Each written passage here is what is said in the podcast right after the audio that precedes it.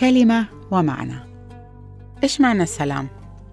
السلام الحقيقي اللي ينتج عنا سلام في محيطنا الخارجي يبدأ من الداخل ومستحيل يكون في سلام داخلي بدون ما نكون متحدين مع الرب لأن الله نفسه هو رئيس السلام زي ما ذكر في الآية لأنه يولد لنا ولد ويعطى لنا ابن يحمل الرئاسة على كتفه ويدعى اسمه عجيبا مشيرا إلها قديرا أبا أبديا رئيس السلام فالسلام الداخلي اللي نختبره هو من علامات سكن الروح القدس فينا كمؤمنين بالمسيح لأن ثمر الروح القدس هي المحبة والفرح والسلام وطول البال واللطف والصلاح والأمانة.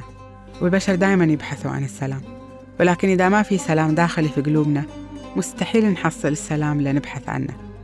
والمسيح قال سلاما أترك لكم سلامي أعطيكم ليس كما يعطي العالم أعطيكم أنا فلا تضطرب قلوبكم ولا ترتعب.